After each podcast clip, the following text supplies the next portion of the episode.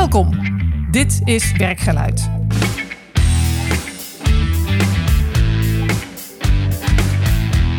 Mijn naam is Marjolein Veringa en ik ga iedere podcast in gesprek met leiders over belangrijke momenten in hun werk. Om er zelf van te leren en ik hoop jij ook.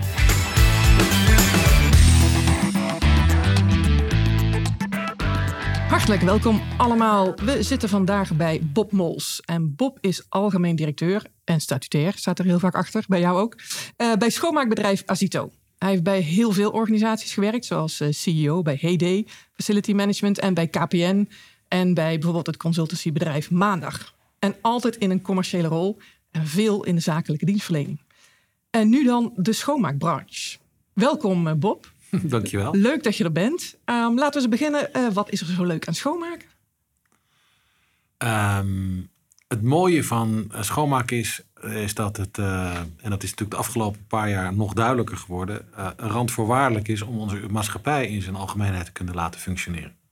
Het is een basisbehoefte. Het is een basisbehoefte. En het bijzondere dan is, is dat het daar waar het aan de ene kant extreem belangrijk is en je er grote waarde kunt toevoegen, ik aan de andere kant nog steeds het eerste jongetje of meisje van tien jaar moet tegenkomen die zegt: Als ik later groot ben, word ik schoonmaker. Ja. En uh, dus binnen de relevantie van uh, het schoonmaakvak en de betekenis daarvan, is het mijn uh, persoonlijke missie, en daarom vind ik het ook zo leuk, mm -hmm. om de schoonmaker, en ik heb het structureel over schoonmaakcollega's en niet over medewerkers, maar om de schoonmaakcollega's het podium te geven wat ze verdienen.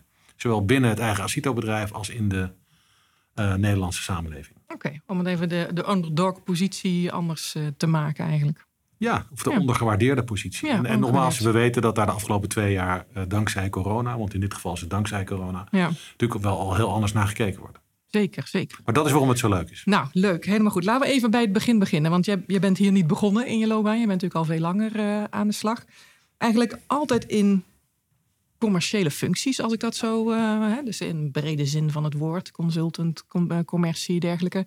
Hoe, uh, hoe heb je daarvoor gekozen? Want je zegt ja, niet iedereen kiest als ze tien zijn met ik word schoonmaker. Misschien ja. kiest ook niet iedereen die tien is, ik word consultant slash nee. commercie. Nee, je noemde net overigens een kleine, kleine correctie. Je noemde maandag als consultancy, maar maandag doet een detachering van mensen. Ja, oh sorry, zei ik consultant. consultant. Ja, dit nou, is echt detacheren, dat is waar. Het, nou, de rode draad is wat mij betreft niet zozeer commercie. Uh, de rode draad is dat het gaat om een, uh, om een dienst die via mensen geleverd wordt. Mm -hmm. Dus, uh, en um, dat is bij mij voor, volgens mij ook wel een beetje ontstaan, omdat ik heb niet zo heel veel met techniek en niet zoveel met logistiek en niet zoveel met automatisering. als het gaat over een soort van basisneiging om je daar druk over te maken. Dat is meer zoiets van, nou, het is fijn als dat geregeld is. En als dat niet geregeld is, ga ik helpen om dat te regelen. Mm -hmm. Maar waar ik heel warm van word, is zijn, zijn diensten die door mensen geleverd worden. En dan zie je een rode draad van retail naar zakelijke dienstverlening. Waarin dat eigenlijk allebei heel nadrukkelijk aan de orde is. Ja, en waarom, waarom is dat zo leuk? Wat maakt het eigenlijk dat je denkt, nou daar ben ik echt heel geïnteresseerd in geraakt? Nou ja, omdat het heel veel voldoening geeft als je mensen kunt helpen dingen te doen uh, die ze leuk vinden en, en, en, goed kunnen doen. En omdat het heel veel voldoening geeft als je daar gezamenlijk succesvol in bent. Mm -hmm. En um, wat ook daarbij speelt, zowel in de consumentenwereld als in de zakelijke wereld, is dat je ook heel snel verschil kunt maken. Je hoeft niet een auto eerst vijf jaar te ontwikkelen voordat die op de markt komt. Je kunt in een goed gesprek met een individu of met een team morgen dingen al anders doen. Ja. In het operationele domein. En dat is wel heel erg leuk ook. Dat is zeker leuk. Ja. Alhoewel ze natuurlijk ook vaak zeggen, je denkt, nou het gaat snel. Heel vaak zeggen ze juist van veranderingen uh, met mensen. Uh, zijn mensen wel veranderingsbereid? Uh, hoeveel kunnen ze aan? Uh, dat duurt lang. cultuurprocessen duren lang. lukken nooit. Nou ja, allemaal dat soort vooroordelen, noem ik het maar vast even. Ja. En jij zegt, nou, maar dat is juist het leuke eraan. Ja, en het is ook allemaal een beetje waar. Ja. We gaan straks nog wel over Acito hebben, maar dat is een bedrijf wat 70 jaar bestaat en een bepaalde manier van werken en een, manier, een bepaalde manier van met elkaar omgaan heeft laten ontstaan. Of dat is ontstaan, dat noemen we dan cultuur. En daar zijn we nu echt bezig stappen te zetten. En daar moet je ook realistische verwachtingen hebben dat je dat niet morgen even geregeld hebt. Maar als het gaat over uh, een winkelbedrijf waarin uh, in week 1 de omzet tegen zit en je aan een paar knoppen draait. En in week 2 die omzet uh, groeit en je kunt vaststellen dat dat ook komt doordat je met een team een aantal andere dingen doet, dan zijn dat natuurlijk hele mooie dingen om op korte termijn bij te sturen. Dat is zeker waar. Dat is zeker waar. Leuk. Leuk om te horen. Ehm, je hebt natuurlijk van alles en nog wat uh, gedaan, verschillende organisaties gezeten. Hoe, hoe kies jij daarin, in die overstappen? Hoe kom jij van het een naar het andere? Heb je een vooropgezet plan? Of is het per ongeluk? Of hoe werkt dat bij jou? Ehm, nou, als ik mijn carrière of mijn loopbaan uh, naloop, dan zitten daar, daar een paar verschillende momenten in. Ik ben ooit begonnen bij Vroom en Dreesman. Voor de jonge luisteraars, die hebben geen idee meer wat het was. Maar het was een, een, hele grote winkel waar je van alles kon kopen. Dat heet Warenhuis. En die hadden een driejarige hoger kaderopleiding. En dan kon je in drie jaar tijd van verkoper via een aantal banen uh, of rollen uh, bedrijfsleider van een groot warenhuis worden. Nou, ik heb hoge hotelschoolachtergrond. Ik zit heel erg dus met mijn hoofd toch al en hart in de service-industrie. En ik vond dat eigenlijk wel mooi, zo'n traject van, uh, van A via B enzovoort. En dan eindigen als bedrijfsleider met een overzichtelijk pakketje. Dat, dat paste kennelijk toen bij mij, dus dat ben mm -hmm. ik gaan doen. Mm -hmm. En de volgende stap die ik maakte was naar een grote club, die, een retailbedrijf, die een heleboel schoenenwinkels exploiteerde. En de reden van mijn overstap was dat ik op zoek was naar een baan met minder bemoeienis van een manager en meer autonomie. Dus werd ik uh, districtsmanager van, uh, van, de, van 20 schoenenwinkels. En binnen dat bedrijf heb ik een aantal stappen gemaakt. En uiteindelijk ben ik daar ook in de directie terechtgekomen. Uh, en aan het einde van mijn termijn daar, dat was na acht jaar, toen kwam ik er voor mezelf achter dat ik weliswaar heel handig was in het ontwikkelen van winkelformules en het leiden van grote groepen mensen en het vermarkten daarvan, maar dat ik eigenlijk nog maar heel weinig wist van hoe een bedrijf in al zijn facetten werkte. Dus ik wist veel van commercie en een beetje van inkoop en vooral veel van locaties zoeken en winkels inrichten. Mm -hmm. Ik had eigenlijk geen idee over logistiek en over finance. En toen heb ik heel bewust een stap gemaakt naar het MKB-bedrijf. Dus dat was weer een hele andere trigger. Dus toen heb ik gezegd, ik wil eigenlijk een aantal jaren werken in een bedrijf waarin ik uh, uh, me kan uh, bemoeien, maar ook vooral kan ontwikkelen in ook al die andere takken van sport. Oké, okay, en een MKB-bedrijf juist omdat je die breedheid dan snel tegenkomt. Ja, daar zat ik gewoon met de ABN aan tafel, ja. met de bank. Ja, een groot bedrijf heb je meerdere specialisaties, ja, daar zat, toch? Daar, zat, daar zat gewoon een CFO die dat deed. Ja. En als commercieel directeur van al die winkelvermoedens zat je niet bij die gesprekken. Nee. En had je ook niks met de RVC te maken of ander soort. En bij MKB ben je overhoofd uh, alles, toch? Ja. ja. Uh, dus dat heb ik toen een aantal jaren gedaan. Mm -hmm. um, en, um, en is dat gelukt? Heb je daar het, het vak geleerd, zeg maar? Het ja, totaalvak? Ja, ja, met vallen en opstaan. Ja. En ook heel dicht op de DGA gewerkt. Dat was Hans Textiel. Dus Hans Textiel en Mode. Dus dat is een uh, familiebedrijf met textielsupermarkten in het domein Vibra, Zeeman, Hans Textiel. Mm -hmm. Nou ja, fantastisch uh, periode gehad. En ben daar ook een aantal jaren aandeelhouder geweest. Dus dat was nou, hartstikke fijn. En wat is daar ook even moeilijk geweest in dat te leren? Want dat is best wel een stap om te maken. Van joh, ik, ik wil allround, zeg maar. Hè? Even, ja. Heb je een voorbeeld waar je denkt van nou, dat vond ik toch echt wel een spannende... Nou, het is sowieso heel spannend om naast een, uh, een DGA, een directeur groot aandeelhouder, mm -hmm. te werken, die zelf dat bedrijf heeft opgezet. Mijn toenmalige uh, partner Hans, van Hans Textiel, mm -hmm. ja, die had het bedrijf van zijn vader overgenomen toen er twee of drie winkels waren. En dat heeft hij opgebouwd tot, tot waar het was toen ik erbij kwam, met nog wat anderen. En wij hebben dat nog een stuk verder geholpen. Mhm. Mm -hmm. Maar wat je ziet, en dan heb je het over cultuur is dat het uh, ontzettend lastig is om, uh, om daar doorheen te breken en daar ook de veranderingen door te voeren die je zou willen. En de eerlijkheid gebied te zeggen dat dat, dat dat ook maar beperkt gelukt is. Dus daar heb ik wel van geleerd dat je kunt, uh, je kunt 20% van de aandelen hebben. Maar als de DGA er is en die vindt dat het anders moet, ja, dan, dan betekent dat eigenlijk helemaal niks. Nee. Dan beslis je gewoon niet eigenlijk. Nee, niet. Nee. nee. dat gebeurde ook vaak niet. Daar kan ik heel stoer over doen, maar dat was gewoon Mhm. mm -hmm. uh, uh, niet aan de orde. En ik heb ook geleerd daar dat als je uh, niet de support hebt van wat dan tegenwoordig de UBO heet, hè, de Ultimate mm -hmm. Beneficial Owner. ja, joh, daar, kan je, daar moet je er gewoon niet aan beginnen. Nee. Heeft gewoon geen zin. En dat is natuurlijk in grotere bedrijven, in, in corporate omgevingen, is dat wel echt anders. Mm -hmm. Want daar heb je gewoon een groter stakeholderveld. En kun je ook links en rechts wat steun ophalen. En zeggen, nou, wij vinden met deze groep mensen om deze reden dat we dat moeten gaan doen. Ja, daar kan je het politieke spel ook gebruiken om, ja. om meer impact te ja. hebben. En ja. hier ben je soms afhankelijk van één iemand. Dus ja, soms je, je, bent afhankelijk van één iemand. Dat is gewoon wat het is. En uiteindelijk kun je daar ook niet heel erg... Ik bedoel, dat is vervelend als je als jonge, ambitieuze man of vrouw die plannen hebt. Maar uiteindelijk, hij of zij is gewoon wel de baas. Ja, net, soms is en gelukkig, en daar zit ook wel een voordeel aan. Toch? Dat is, Dat is Nou, zeker waar. en, wat je, en je andere punt was, wat vond je moeilijk? Nou, ik vond niet één ding specifiek moeilijk. eh, want in de overzichtelijke wereld van zo'n MKB-bedrijf kun je ook gewoon met kleine stapjes leren. Dat vond ik Mhm. ook wel fijn.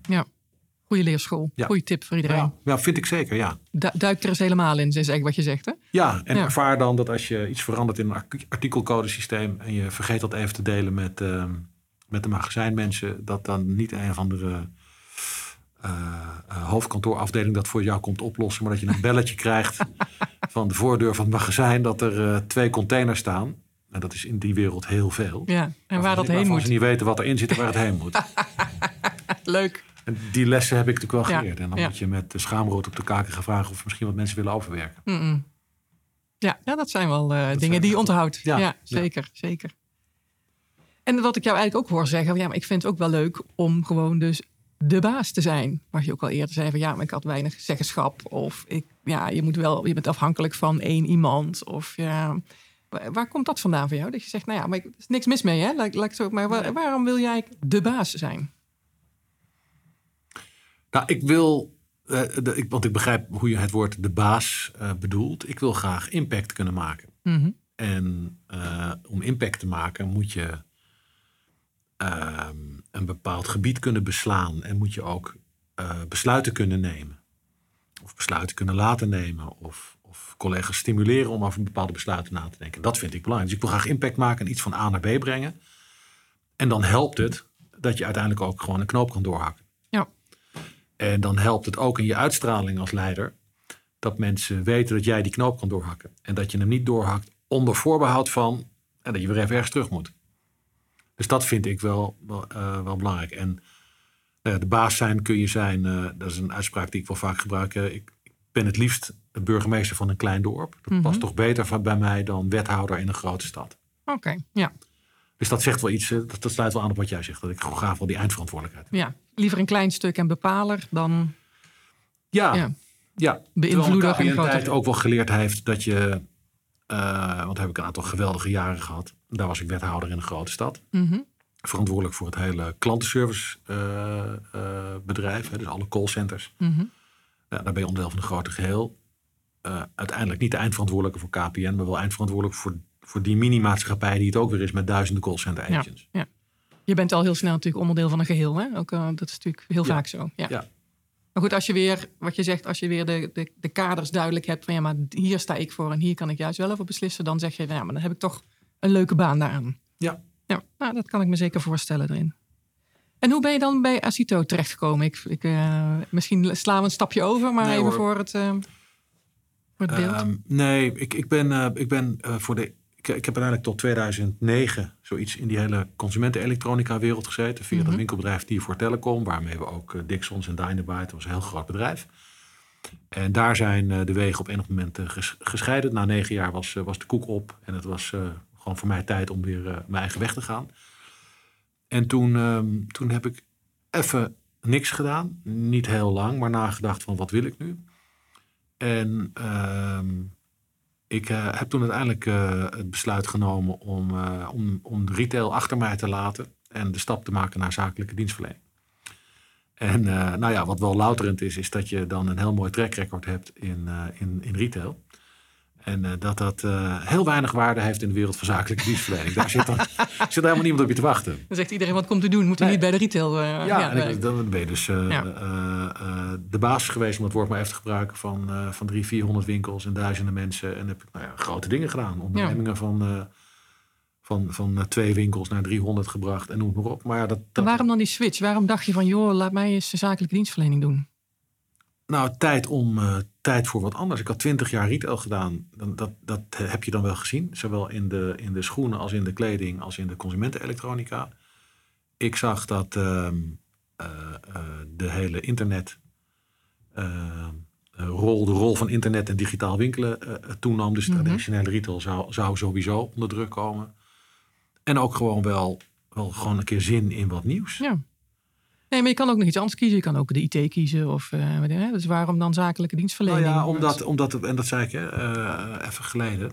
eh, omdat zakelijke dienstverlening in het type bedrijf wat ik dan opzoek, de dienst ook weer door mensen geleverd wordt. Ja, het is weer mensenwerk. Dat is zeker waar. Ehm, En toen ben ik in mijn netwerk uh, eens gaan praten over, uh, nou, ik heb toen wat eigen onderneming, of de eigen, eigen onderneming opgezet in die periode 2009, 2012.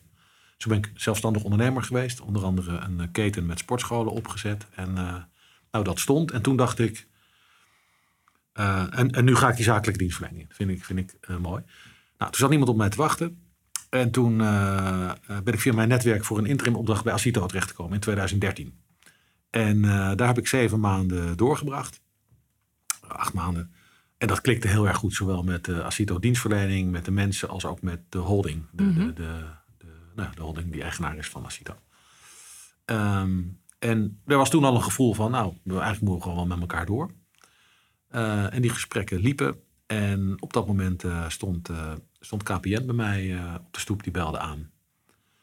En nou, dat was eigenlijk een soort van toevallige timing.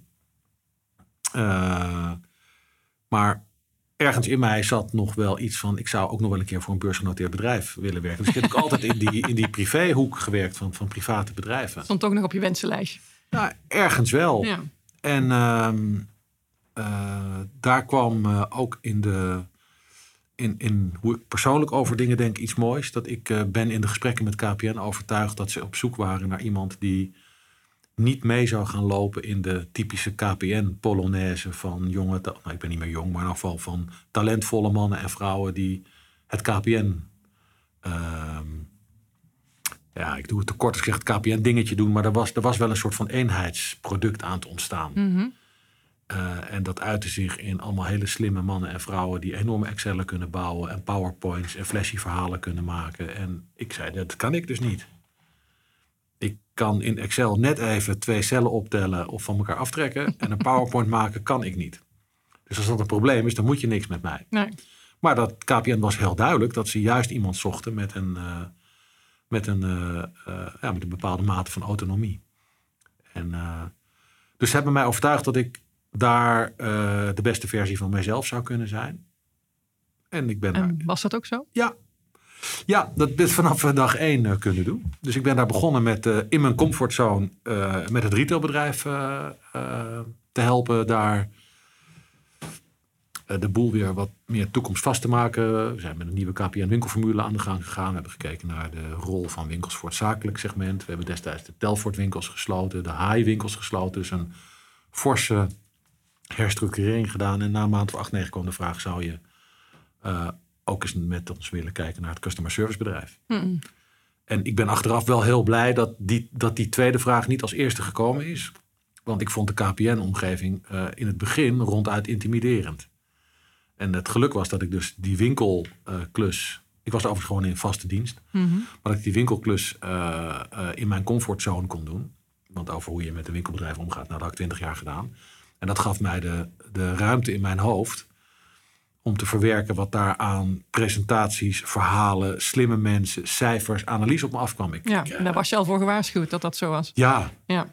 En ik uh, weet dat ik uh, uh, in de eerste paar weken dus zo'n hele volle agenda met allemaal meetings had. En dat ik die stukken ook kreeg die daarbij kwamen. Dat ik aan een paar mensen vroeg, joh, lees jij dat allemaal? Ja, dat was het antwoord, dat lezen we allemaal. En ik zei, nou, dat is indrukwekkend. En toen heb ik het, de week daarna is allemaal geprint. Mm -hmm. Dus alles wat er op je afkwam aan informatie en, en dat, dat was dus geloof ik 10, 15 centimeter papier. Dus heb ik gezegd, joh, ik kom nog heel even terug op mijn vraag van vorige week.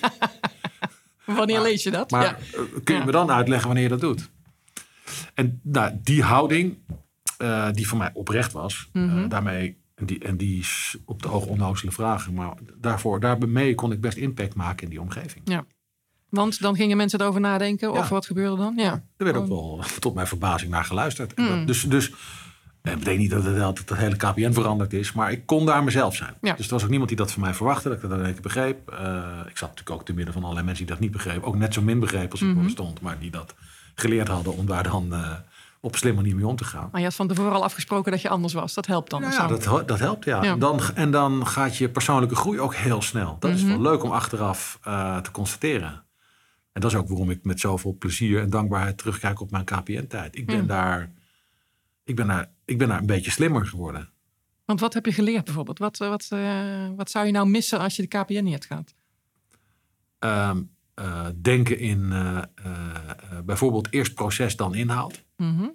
Dus er ligt een groot probleem op tafel. Langs welke route gaan we dat nou doen?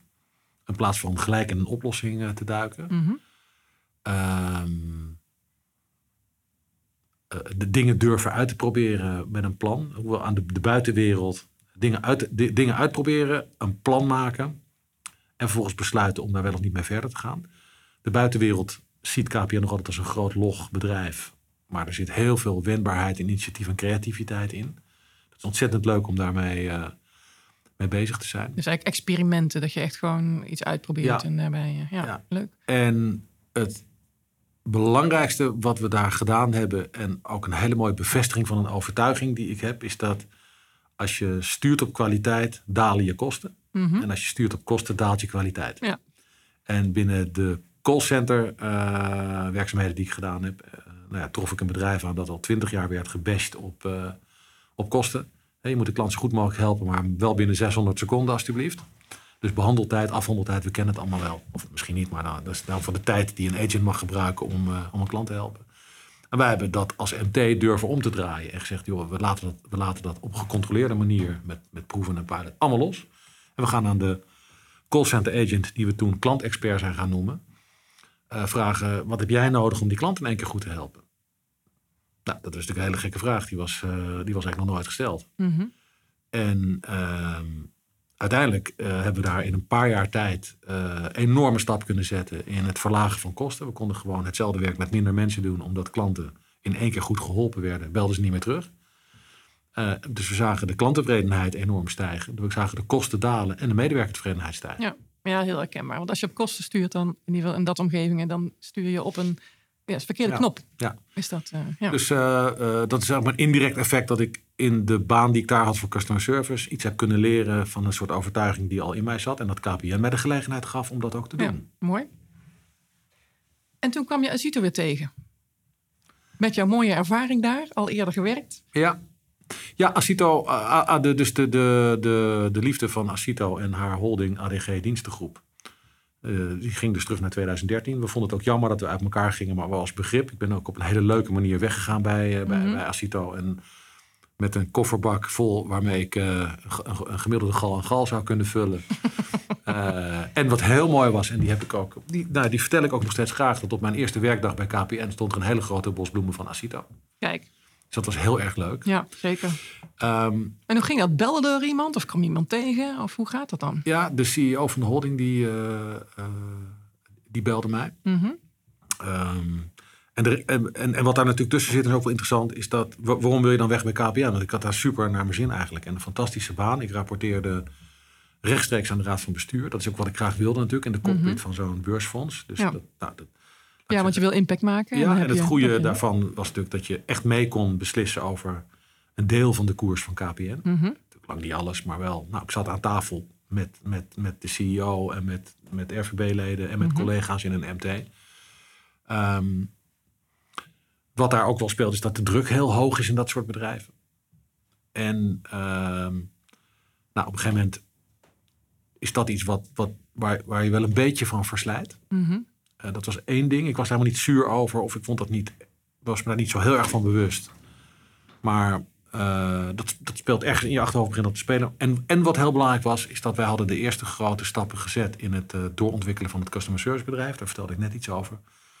En ik had ergens ook wel in mijn hoofd dat de, de, aan, de, de, de aanzetten die wij op het gebied van digitalisering hadden gemaakt, met, met nou ja, chatbots en al die dingen, dat de volgende customer service baas eigenlijk uit die wereld zou moeten komen. Ja. Dus eigenlijk had je een natuurlijk moment. Maar de andere is denk ik ook wel heel interessant. Want ik denk dat veel mensen dat wel zullen herkennen als je bij een grote organisatie, de large corporate, hoe je Ja. het dan ook goed noemt. En je zegt van ja, maar aan de andere kant is ook een soort aanslag op, op jezelf. Hè? Ik vertaal hem even, je zei het niet precies zo. Maar Hoe, hoe zie je dat? Waar, waar komt dat door, denk je? Ja, dat is die druk. Nou ja, ehm, Wat voor druk? Kan je die omschrijven?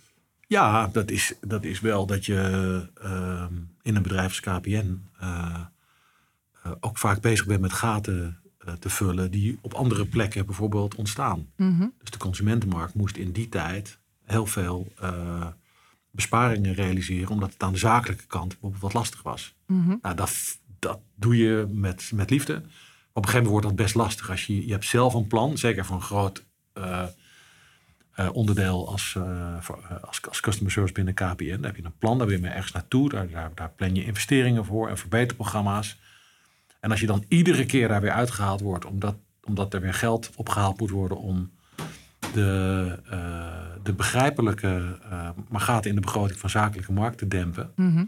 Nou, daar kan de ene de een beter tegen dan de ander. En ik werd er helemaal niet narrig of niet zuur van, maar op een gegeven moment krijg je er wel een beetje genoeg van. Ja, iedere keer moet je je plan weer zo ver bijstellen. Ja, en, uh, en dat, dat was eerder regel dan uitzondering. Ja. Dan zaten we weer in een, in een hele andere meeting met uh, groene, oranje en rode blokjes en met savinglijnen. En uh, op een gegeven moment was je daar klaar mee. Maar, maar en ik weet zeker dat er ook wel weer rustigere tijden zijn gekomen daarna. Maar wat ik veel, wat ik veel vond, is dat ik zelf ook een idee had over.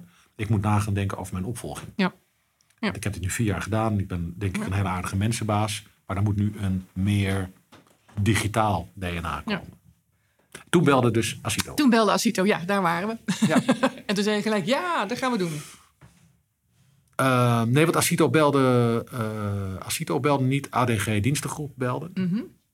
En die, uh, die hadden een ander bedrijf, 2011 overgenomen. Een paar goede jaren gehad, maar dat bedrijf zat al een poosje op de, niet op de goede koers. En dat moest gerevitaliseerd worden.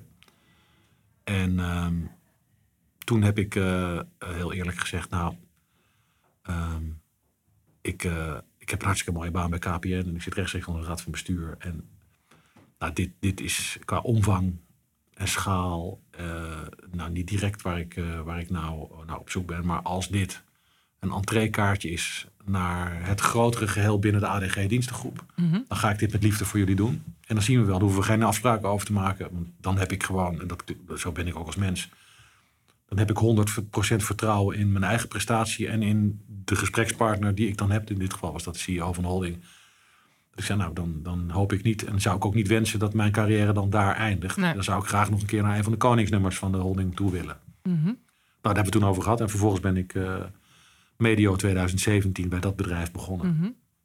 En, en wanneer ik, ben je bij Asito dan verder? En, ik wil even uh, ja, verder. In, ja, dat ben ik, uh, dus dat heb ik drie, drie, drieënhalf jaar gedaan. En ik ben op 1 februari 2021 bij Asito begonnen. En waarom dacht je van, ja, maar dit is het koningsnummer? Want die wilde je zijn. Ja. nou, Asito is, de, Asito is onderdeel van ADG Dienstengroep. ADG mm -hmm. Dienstengroep is, is een van de grootste private werkgevers in Nederland. Met uh, 35, 40.000 werknemers. Uh, uh, maar gebouwd op de stamcel Asito. Omdat de oprichter, uh, meneer Van Riemsdijk, 70 jaar geleden met het Asito schoonmaakbedrijf is begonnen. En op basis daarvan die hele groep is ontstaan. dus Asito bekleedt binnen ADG een, een, bijzondere plek. Dat mm -hmm. geeft mij niet bijzondere privileges of wat dan ook. Maar dat is wel een mooie plek in zo'n familiebedrijf. Mm -hmm. en, en, en, en Asito met haar holding is een echt familiebedrijf. Dus dat vond ik leuk. Ik vind de dienstverlening, heb ik net al iets over gezegd, ja. ontzettend relevant. En uh, het past bij mijn moment in de carrière. Ik ben 60, ga nog uh, 7 of 10 jaar werken, uh, hoop ik. Uh, ergens tussen de 7 en de 10 jaar. nou, dan vind ik het een hele mooie uitdaging, opdracht. En, en het vooral ook eervol om dit bedrijf door te ontwikkelen voor de volgende generatie. Nou, en dat, dat, is, en dat met die 10.000 geweldige mensen die elke dag schoonmaken. Ja. Is uh, fantastisch om te doen. Was leuk. Ja, want het is misschien denk ik even leuk om in te gaan waar we ook het gesprek mee begonnen. Ik zei van ja, eigenlijk was het een beetje ondergewaardeerde uh, baan, schoonmaker uh, zijn. en ik wil daar verandering in brengen, of ik wil daar meer waardering in brengen. En corona heeft natuurlijk al een stuk gedaan, want we hebben gezien dat dat nut heeft. Hè? Mm -hmm. in ieder geval, we missen het enorm als we het niet hebben, laat ik het zo zeggen. Ja. Hoe, hoe wil je dat aanpakken? Hoe, hoe breng jij zo'n functie waarbij iedereen nou ja, soms er toch zelfs wat op neerkijkt? Ik weet dat sommige schoonmakers soms niet eens een gedag krijgen van iemand die langsloopt in een kantoor werkt. Uh, hoe, hoe, kijk je daarnaar? Hoe zou je dat willen aanpakken? Nou ja, uh, daar zit een deel in wat wij gewoon binnen Asito kunnen doen. Mm -hmm. En de manier waarop wij aandacht geven aan onze collega's en de manier waarop wij het bedrijf uh, en de, ondersteun, de ondersteunende middelen, automatisering inzetten om alles en iedereen om de schoonmaker heen maximaal te ondersteunen, zodat ze aandacht kunnen hebben voor de schoonmaker. Mm -hmm. He, dus, dus een schoonmaker wordt uh, aangestuurd, is een rotwoord, maar de leidinggevende van de schoonmaker is een objectleider. Nou, we zitten nu in een heel groot programma waarbij we die objectleider gaan ontlasten van allerlei administratieve taken. Een objectleider vind ik ook niet heel persoonlijk klinken. Nee, nee. nee is overigens wel een, een in de schoonmaak, uh, zelfs in de CAO opgenomen term. Dus ik snap dat je dat zegt. Ja. Um, maar dan weten we waar het over. Maar dat is in elk geval de... de het object is het gebouw en niet de mensen. Nee. Ja, ja. ja dat is, jeetje, ja. Dat is wel heel mooi. We gaan daar ook wat, uh, wat in de hele transformatie waar we in zitten ook wat andere dingen aan doen. De objectleider is de leidinggevende van de schoonmaker. Mm -hmm. De mhm. objectleider die heeft, van de, en die heeft zo'n 50, 60, 70, 80 schoonmakers uh, die aan hem of haar zorgen zijn toevertrouwd.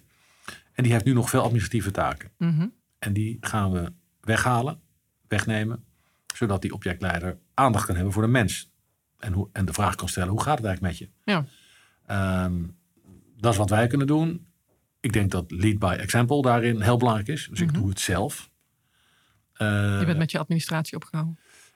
Maar ik drink ook elke week koffie met schoonmakers. Mhm. Dus ik begin mijn werkweek heel bewust elke maandag door van 9 tot 10 met een groep schoonmakers door te brengen. Mhm. En ik heb alleen maar een vraag, hoe gaat het met jullie? En dan ontstaat er altijd een leuk gesprek. Dus ik doe het voor. Ja.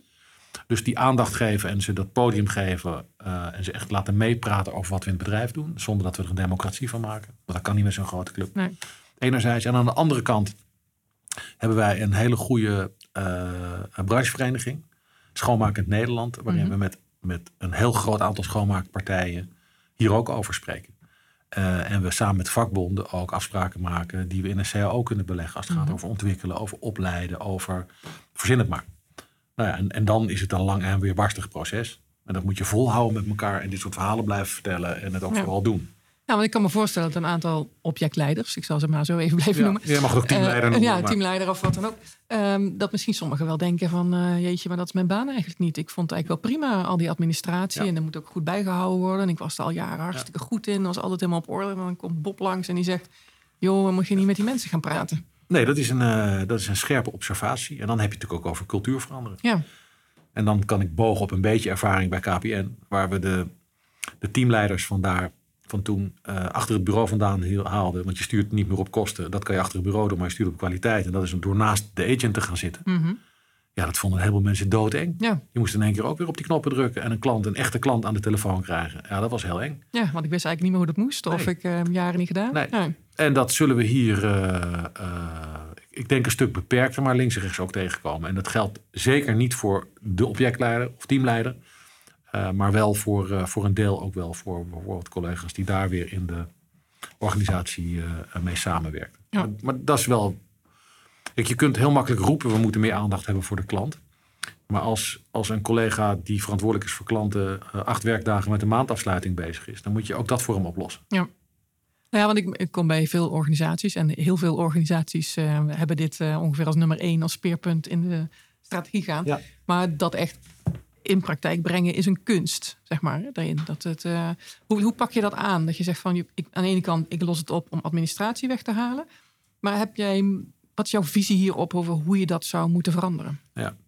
Ja, want laten we niet. Ik wil zeker ook in dit gesprek niet het misverstand laten ontstaan dat met het weghalen van administratie dat het probleem dan is opgelost. Maar nee, het is wel een randvoorwaardelijkheid. Ja. Je kunt, hè, wat ik net zeg. Het geeft in ieder geval tijd. Je kunt aan een klantmanager zeggen: ik wil dat je meer tijd bij je klant en met je medewerkers doorbrengt. Maar als je vervolgens, en dat is de praktijk, eh, acht werkdagen bezig bent met een maandafsluiting, ja, dan krijg je toch de vraag: en hoe zie je dat dan zelf voor je, ja. beste Bob? Ja. Dus dat is randvoorwaardelijk om dat te gaan doen.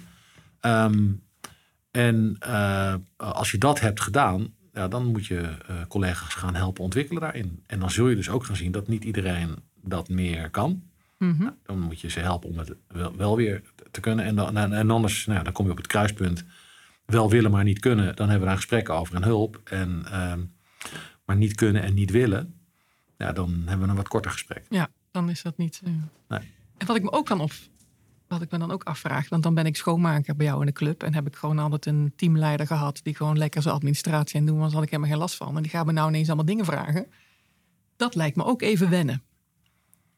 Ja, waarbij bepalend is wat er dan gevraagd wordt. Want zeker, dat, zeker. Uh, want ik denk dat. Uh, of het oprecht is, of ik iets mee kan. Ja, of, ja. De, de, vraag is hoe, hoe gaat het met je en wat, wat heb jij nodig om je werk uh, beter te doen binnen de afspraken die we met een klant gemaakt hebben. Mm -hmm. Ik denk dat dat een heel fijn gesprek is. Ja. En ik denk dat de vraag is, joh, kun je dat in, waar je nu anderhalf uur over doet, kan het niet in een uur? Dat is geen goed gesprek. Dat moet je ook op dat niveau niet met elkaar voeren. Nee.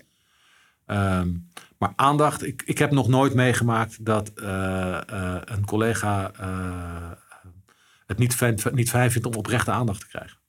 Nee, dat kan me voorstellen. En dat is uiteindelijk waar het mij om gaat. Dat we een organisatie opbouwen waarin we oprechte aandacht hebben voor het wel en wee van onze schoonmaakcollega's. Mhm. Want dat zijn de mensen die, ik zei het net hierboven nog in het Asito kantoor waar we zitten. Uiteindelijk zijn het de teamleiders of objectleiders in ons jargon. En de schoonmaakcollega's met het klantmanagement eromheen. Mhm. Dat is Asito. Ja. En de rest is allemaal noodzakelijk gedoe eromheen. Mhm. Als ik de deur uitloop en ik blijf een week weg, dan vraagt na een paar dagen iemand: waar is die Bob eigenlijk? maar er gaat helemaal niks verkeerd. Nee, het is duidelijk wat het kernproces is en wat er, Ja. wat er omheen Ja, eh, dat, dat, eh. is, dat, is, eh, dat is denk ik ook de kunst van een, het leiden van een bedrijf met 10.000 Mhm. mensen. En daar moet ik mezelf ook voor een stuk opnieuw uitvinden en oprekken. Om aan de ene kant de eenvoud van het kernproces nou ja, te, blijven zien en te blijven faciliteren. En tegelijkertijd de complexiteit van zo'n groot bedrijf. Met eh, talloze nationaliteiten, eh, klanten van eh 10.000 euro per jaar tot 6 miljoen euro per jaar omzet. Eh, de hele maatschappelijke dynamiek die er is op het gebied van verloop, verzuim, krapte op de arbeidsmarkt, het imago van schoonmaak. Dat is natuurlijk, als je, als je dat toestaat in je hoofd, is natuurlijk verschrikkelijk complex met zo'n grote tent. Mhm. Eh, en dat te koppelen aan de eenvoud en het belang van schoonmaak, Ja. nou, dat is voor mij wel, nou, dat is wel een puzzel. ja, dat lijkt me het moeilijkste. Ja, dat Als is het dat, ook. eh, ja. Dat is het ook. En hoe, hoe, nou, flauw vraag, hoe doe je dat dan? Want dat is dan natuurlijk de uitdaging. Eh, aan de ene kant al die dingen die in je hoofd zitten, moeilijk, groot, veel. Naar de vertaling op en vandaag gaan we het zo doen. Ehm, eh, met, met de disclaimer dat dat natuurlijk op het ene moment beter gaat dan het andere. Gelukkig. Eh, Goed om te maar- horen dat je ook mens bent. Ja, Ja. maar heb ik de, hou vast dat we een, een heel stevig strategisch plan hebben. Mhm. Met een paar hele duidelijke, eh, gebruik het woord maar even, stippen op de horizon. Mhm. Met eh, heel duidelijk zicht op welke sturingsgebieden we, we, we moeten nou ja, in het snotje moeten houden om daar te komen. En in toenemende mate eh, naar een set overzichtelijke KPI's kunnen gaan om dat, dat te besturen. Dat is, maar, dat is, dat is Ja. één. Dus dat, eh, ik denk dat ik daar samen met de hulp, zeker met de hulp die ik daarbij heb, nog nooit zo ver ben geweest om een strategie te vertalen in een operationeel plan. Dat operationeel plan op te nemen in de planafspraken die ik met mijn MT-leden maak. En stuurinformatie daaromheen aan het organiseren ben om dat dan ook te volgen. Mhm. En dat klinkt een beetje technisch, maar het is wel de basis van wat je doet. Hè. Waarom willen we op welke manier waarheen en welke bijdrage lever jij daaraan? Dat is eigenlijk wat je zegt, dat heb ik bij KPN geleerd. Om goed het proces op Ja. te zetten om een probleem op te lossen. Ja, Toch? Dat hoor ik je nu eh, Zeker. in praktijk brengen. Ja, ja, en daar heb ik nu goede hulp bij gevraagd van een geta- getalenteerde jonge dame uit ons bedrijf die mij daarbij helpt. En Mhm. ik denk dat ik dat eh, tot nu toe, op de, op de manier waarop ik nu heb bestaan, dat ik dat nog nooit zo goed eh, heb kunnen doen door de hulp die ik daarbij heb. Ja, dus heel gestructureerd eigenlijk je strategie doorvertalen naar de lagen daaronder Ja. en de afspraken die je daar maakt. en, en, heel, en, en goed investeren op programmamanagement. Dat Mhm. is toch ook vaak het is natuurlijk een forse kostenpost. Maar daar heb je toch wel plezier van. Ja. Dus, een, dus een goede cockpit eh, om te zien van wat, wat er gebeurt nou eigenlijk en waar lopen we. Zeker als je grote veranderprogramma's doet, heel goed in de gaten houden hoe je met je kosten zit en waar je de opbrengsten ziet ontstaan. Eh, dus dat is, dat is één kant. En aan de andere kant proberen het bedrijf eh, zo klein mogelijk te maken. Dus door heel benaderbaar te zijn, eh, door heel veel te communiceren, door eh, bepaalde boodschappen heel vaak te herhalen, eh, zodat die waarom-vraag duidelijk blijft, blij- duidelijk wordt en blijft. Mhm. Ehm, en last but not least, en dat is natuurlijk toch de moeder van, van iedere organisatie, in mijn optiek, dat is natuurlijk geen, helemaal geen geweldige formulering, is de moeder van iedere organisatie. Maar wat ik daarmee bedoel is een veilige, veilige omgeving creëren waarin, waarin mensen de beste versie van zichzelf durven te zijn. Eh, en ook kunnen uitspreken als ze even niet weten hoe dat moet. Mhm. Dus, dus dat, dat, is, dat zijn volgens mij de drie dingen. Dus een heel strak plan, goed weggezet in, in, een, eh, in een aanpak, programmamanagement, planafspraken enzovoort enzovoort. Twee, het bedrijf compact laten werken. Dus met Mhm. korte lijnen, heel bereikbaar zijn. Mensen kunnen mij gewoon opbellen en dan bel ik ook terug. Eh, en, en het gesprek daarover aangaan. En drie, eh, zorg voor een, een, eh, een werksfeer waarin mensen het, het beste van zichzelf mee naar het werk nemen. Ook de talenten die niet per definitie bij hun baan passen. Maar ook kwetsbaar durven te zijn. Zoals ik net zelf ook bij KPN zei. En wat heb ik daar een plezier van? Want jongen, ik kan geen PowerPoint maken. Nee. Dus dan moet ik naar de Raad van Bestuur een nieuw winkelconcept presenteren. Nou, zei iemand, dan maak je toch een filmpje? Nou, dat is een goed idee. ja, of heel komt gewoon klopt. vertellen. Ja, dat kan dat- ook allemaal nog. Ja, daarom. Je zit soms vast in hoe het zou Ja. moeten. Maar het begint natuurlijk dat mensen durven te zeggen, ik weet eigenlijk niet hoe het moet. Ja. Dat vind ik ook helemaal niet erg. Ja. En dat er dan geholpen wordt in plaats van afgestraft. Ja, of, dat of, of eh, dat iemand met een kletsverhaal komt om te hopen dat hij daarmee het bos in kan sturen. Daar kan ik niet zo heel goed tegen. Nee, dat helpt ook niet. Nee. Als je nou van, want je hebt eigenlijk best wel veel dingen genoemd waar je zegt van nou, daar zitten best wel zorgen. Als je nou één van die dingen eruit zou mogen pikken waar je zegt van ja, maar dat, eh, dat kunnen we nu ineens miraculeus morgen oplossen. Dat Wat? kunnen we niet meer. Jawel, nu zouden we nu, eh, dat is natuurlijk niet zo, maar even welke van die dingen zou je denken, dat zou ik eigenlijk nu opgelost willen hebben? Dat is de duurzame inzetbaarheid van onze, onze collega's. Ja, zo hoe zie je dat? Nou ja, we hebben natuurlijk eh, schoonmaak is een, eh, is een zwaar beroep. Het is fysiek zwaar. Hè? Ja. Ik bedoel, ga maar eens 300 keer achter elkaar bukken om een prullenbak leeg te maken. Ja.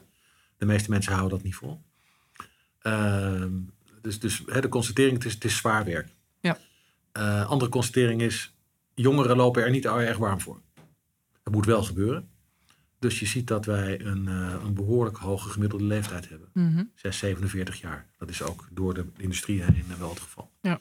Dus als je mij nou zou, wat zou ik nou willen oplossen? Ik zou graag willen oplossen dat, het een aantrek, dat we een nog aantrekkelijker werkgever eh, en ook gezien worden als een nog aantrekkelijk, als een aantrekkelijk werkgever voor jongeren. Mhm. En dat we beter in staat zijn om onze oudere collega's op een gezonde manier naar het einde van hun loopbaan eh, te brengen. Ja. Nou, daar is, heel, daar is heel veel aandacht voor, maar dat gaat veel te langzaam. Nou, combineer dat met krapte op de arbeidsmarkt. Überhaupt om, moeilijk om mensen te vinden. Ja, overal. Ja. Overal. Ja, interessa- interessante vraag is ook, ik heb het antwoord niet, waar zijn eigenlijk al die mensen gebleven? Allemaal maar nog bij de GGD, denk ik. Ja, maar die, die, die Ja. tenten die worden ook opgedoekt nu. Dus, dus dat blijft. Misschien komt het weer vrij. Je weet, ik, heb, je- ik heb geen idee. Maar hoe pak je dat aan in zo'n, in zo'n vakgebied? Dat je zegt, eh, hoe begin je daaraan? Want die, die prullenbakken, die blijven, die blijven.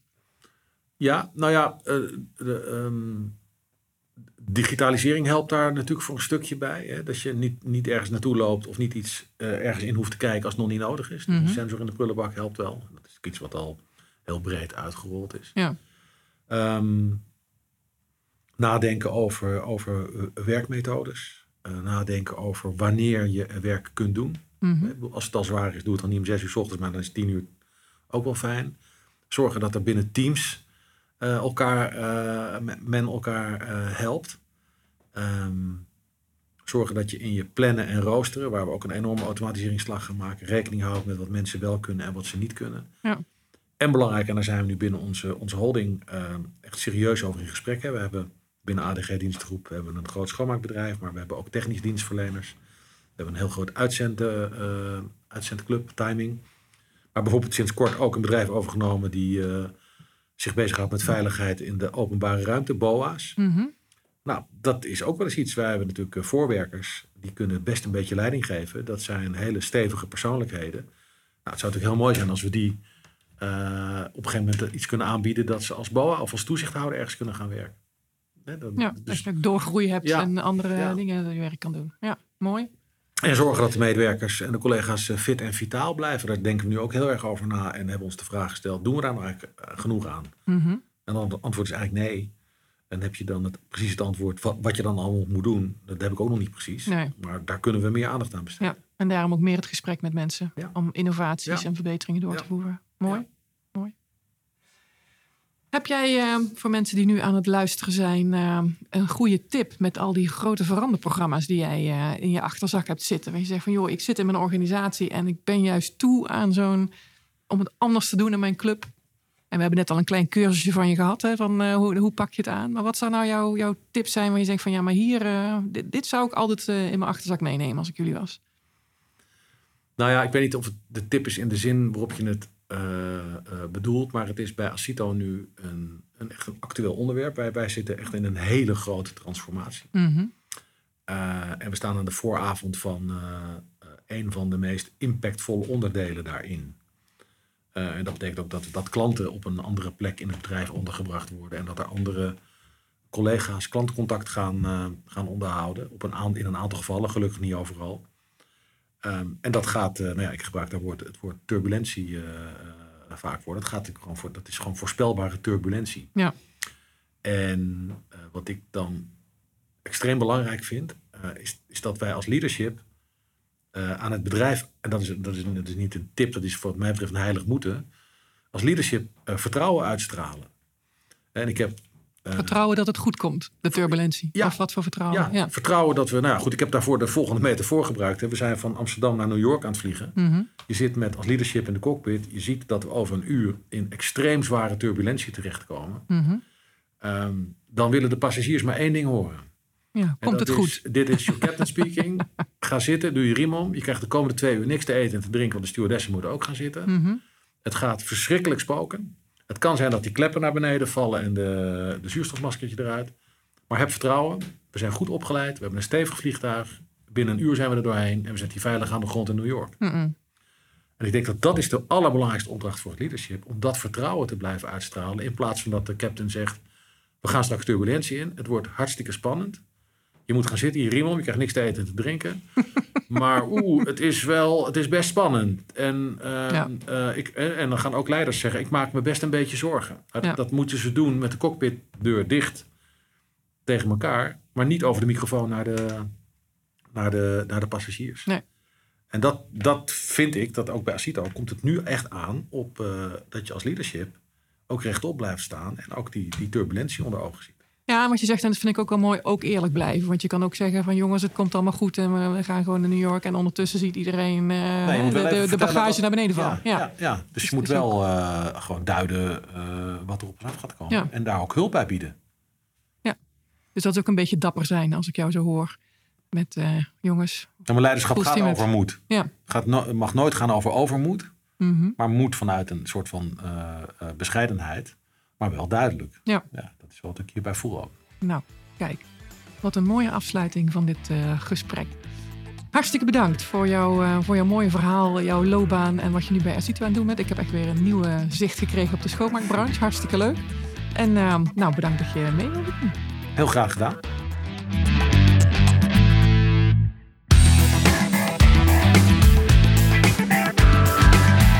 Mocht je meer interesse hebben in leiderschap en effectief werken, ga dan naar de website www.marjolijnveringa.nl.